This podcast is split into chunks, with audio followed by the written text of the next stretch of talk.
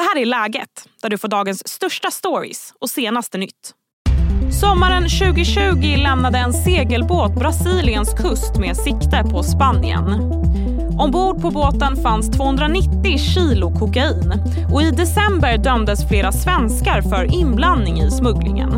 Däribland båtens kapten, en 69-åring. Idag tas målet upp igen i Svea hovrätt. Vad säger Tullverket om fallet och hur jobbar myndigheten för att stoppa knarket i Sverige? Idag hör du också om dagens något dystra inflationsbesked. Vad betyder det här för oss privatpersoner? Jag heter Sally Sjöberg. Jag har med mig Martin Petersson. Du är sakkunnig i den här frågan hos Tullverket. Hej Martin! Hejsan hejsan! Det här fallet som tas upp i Svea hovrätt idag, hur väl känner ni till det på Tullverket? Eh, Vi utgår från att det är det ärendet där det påträffades eh, kokain i en segelbåt där man hade seglat från eh, Brasilien och blev gripen av spanska myndigheter. Och den typen av ärenden förekommer ju då och då. Så det är ju ett sätt att smuggla kokain från Sydamerika till Europa. Mm. I det här fallet så var ju både Brasilien, Spanien och Sverige inblandade. Hur ser ert samarbete ut med andra länder i sådana här fall?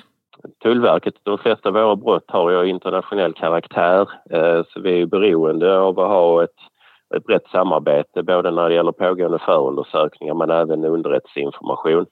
Eh, så vi har ju väl etablerade samarbeten eh, med europeiska, våra europeiska motsvarigheter helt enkelt.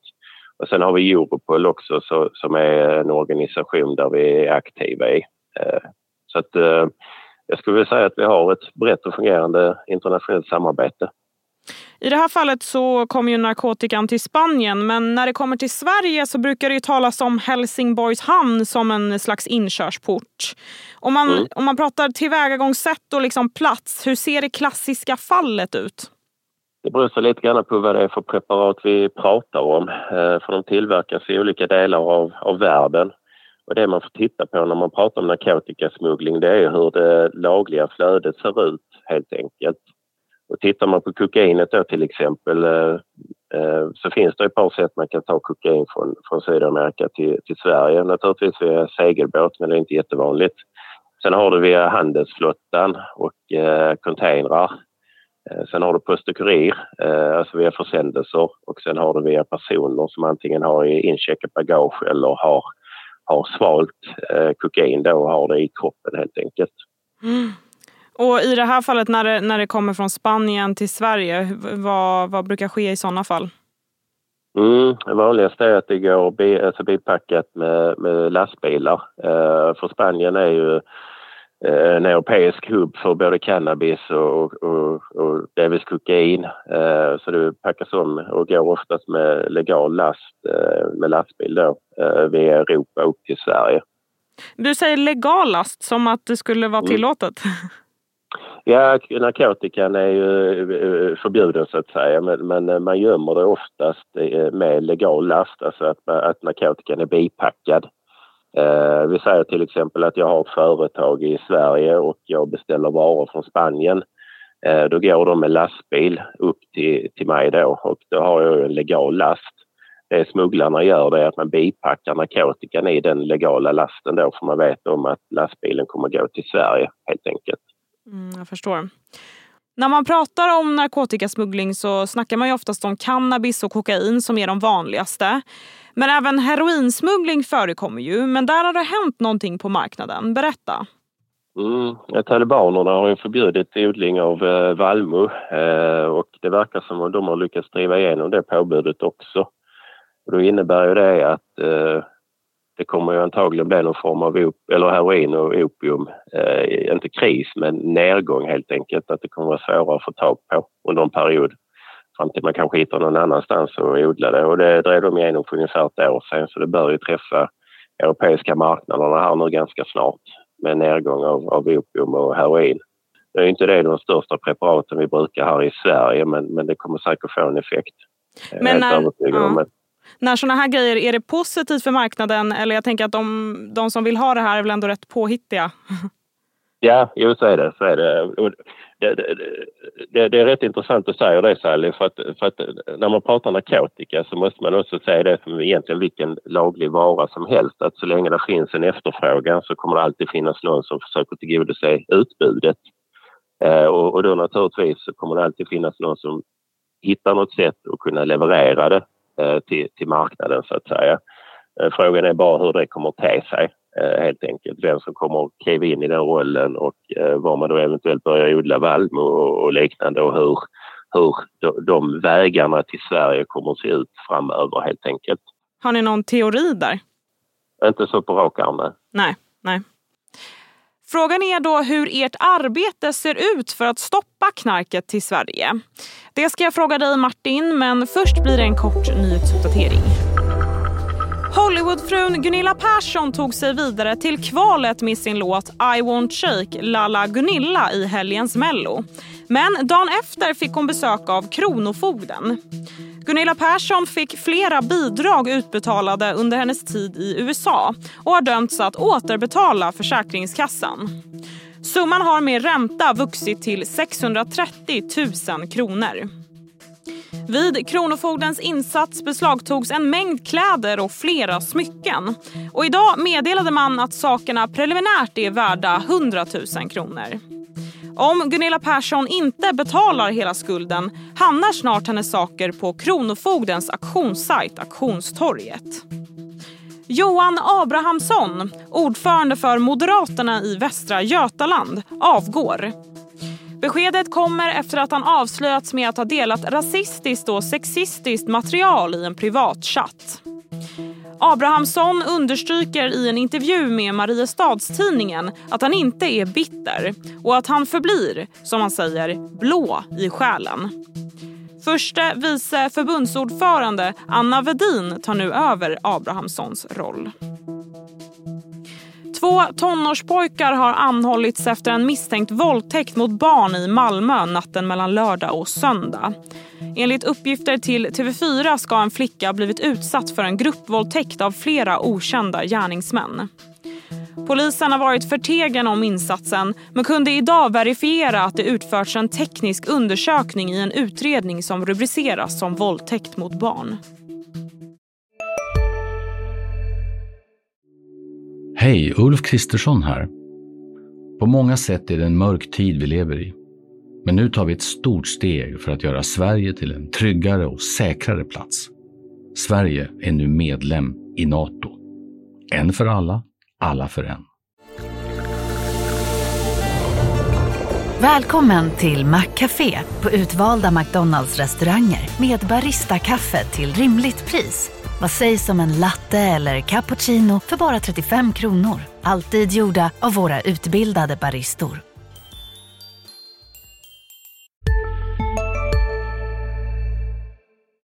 Tillbaka till Martin Petersson, sakkunnig i narkotikafrågan hos Tullverket.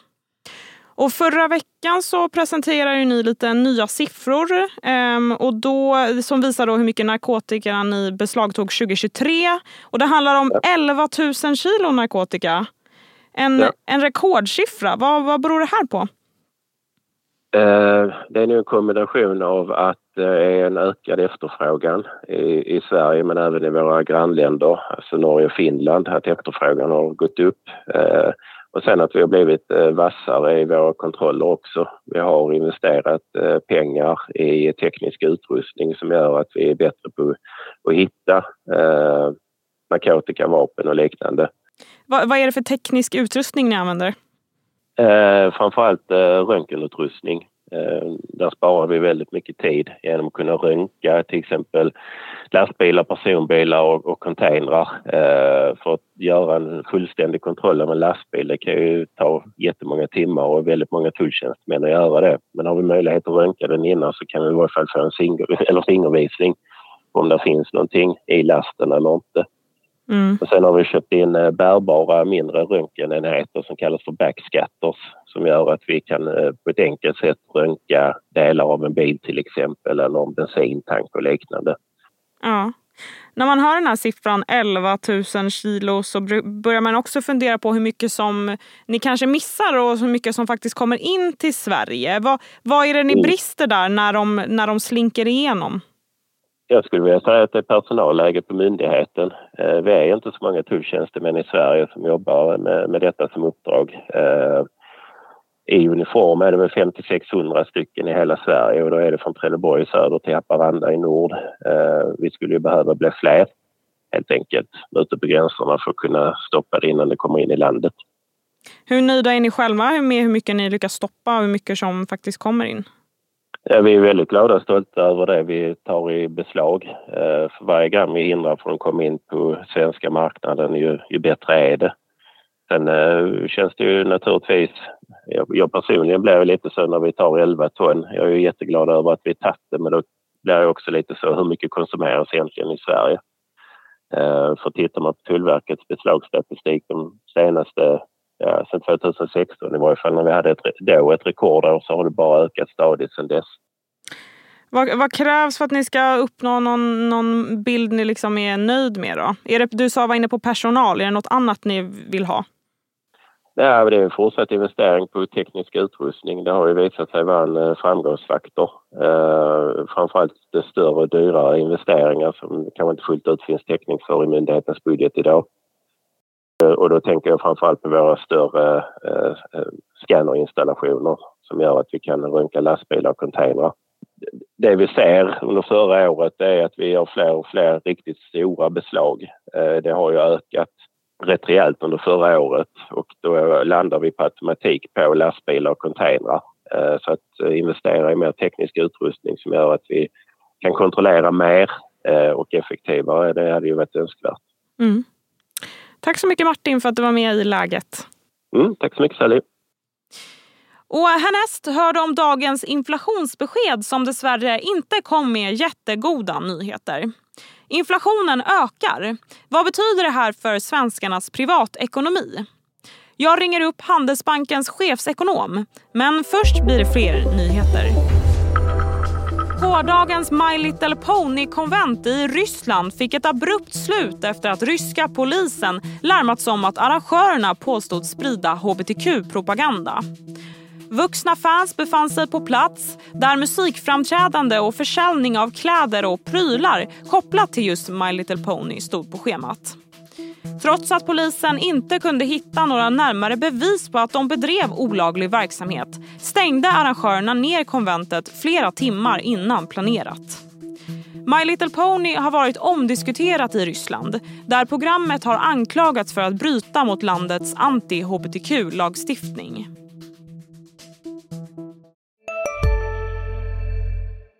Hej, Synoptik här.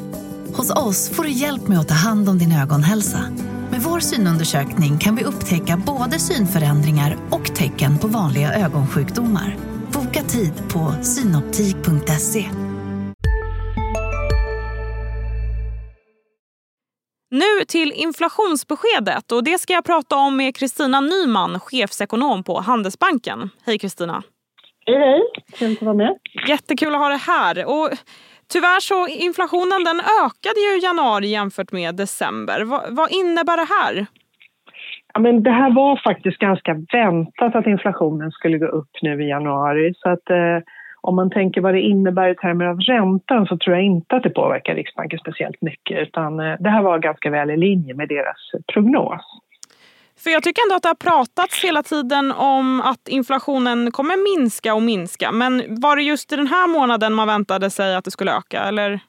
Ja, men precis. Det var i januari att det skulle gå upp och eh, det är trenden får man väl säga liksom är fortsatt ner, men, men sen kommer det vara lite hopp iväg. Men sen just nu i januari är alltid lite knepig månad och eh, dels så såg vi att eh, hyror och bostadsrättsavgifter och såna här eh, olika vatten och avloppsavgifter och den typen av, av eh, priser eller avgifter steg eh, mer än vad de har gjort tidigare nu i januari. Det kommer vi nu få se några månader till, till exempel på hyror då. Eh, vi såg också lite uppgång i matpriser. Sen en viktig faktor var att eh, de tidigare månaderna här, framförallt i december, då drog energipriser ner inflationen ganska mycket och det gjorde det inte nu i januari. Så jag tror att vi kommer kunna ha några månader här där det är lite, lite, lite skakigare men sen är det ändå så att trenden är på väg ner. Men det är dyrare att vara privatperson i alla fall under de årets första månader låter det som. Ja, tyvärr kommer det vara dyrare även efter det för att eh, inflation är ju prisförändring så att även när inflationen kommer ner på målet så kommer ju priserna fortsätta att öka. Så själva priserna kommer ligga högre än man gjorde tidigare. Men så småningom under året så räknar vi också med att lönerna faktiskt börjar öka mer än vad priserna gör. Och det betyder ju att köpkraften blir lite bättre och får lite mer för pengarna helt enkelt. Riksbanken dock, du var inne på det, de kommer nog inte att eh, göra någon, någon förändring i hur de har tänkt höja räntan eller sänka den? Nej, det tror jag inte. Utan eh, den underliggande trenden är det de tittar på och det här var ganska väl i linje med deras prognos från november. Själva har de sagt att de eh, räknar med att de ska kunna sänka räntan under första halvåret i år. Eh, och vi tror att den första räntesänkningen kommer i juni. Sen kommer man sänka lite långsamt för att se att man verkligen har den här fortsatta trenden ner i inflationen. Men, men det här januariutfallet är ju ett tecken på att vi är inte helt hemma än utan att eh, det kan behöva avvaktas lite till. Ska vi fortsatt vara optimistiska eller vad, vad tänker du? Vad ska man gå för med för känsla i magen? Ja, men jag tycker inte att det här inflationsutfallet ska påverka den känslan utan det kommer vara ganska fortsatt ganska tufft läge då ändå med en försvagad arbetsmarknad och, och eh, räntor som är fortsatt höga. Men senare i år så ser jag ändå en ljusning. Vi kommer få lite lägre räntor och vi kommer få förbättrad köpkraft när löner ökar lite mer än priser. Och framförallt in på nästa år så ser jag också att arbetsmarknaden kommer förbättras igen. Så att eh, jag tycker ändå det finns ett ljus här. Och ljuset är att inflationstrenden ändå är på väg ner och då kan räntorna komma ner. Super, vad bra. Då går vi ut med positiv energi i det här. Då. Tack så mycket Kristina. Ja. Tack så mycket. Och det var allt för idag.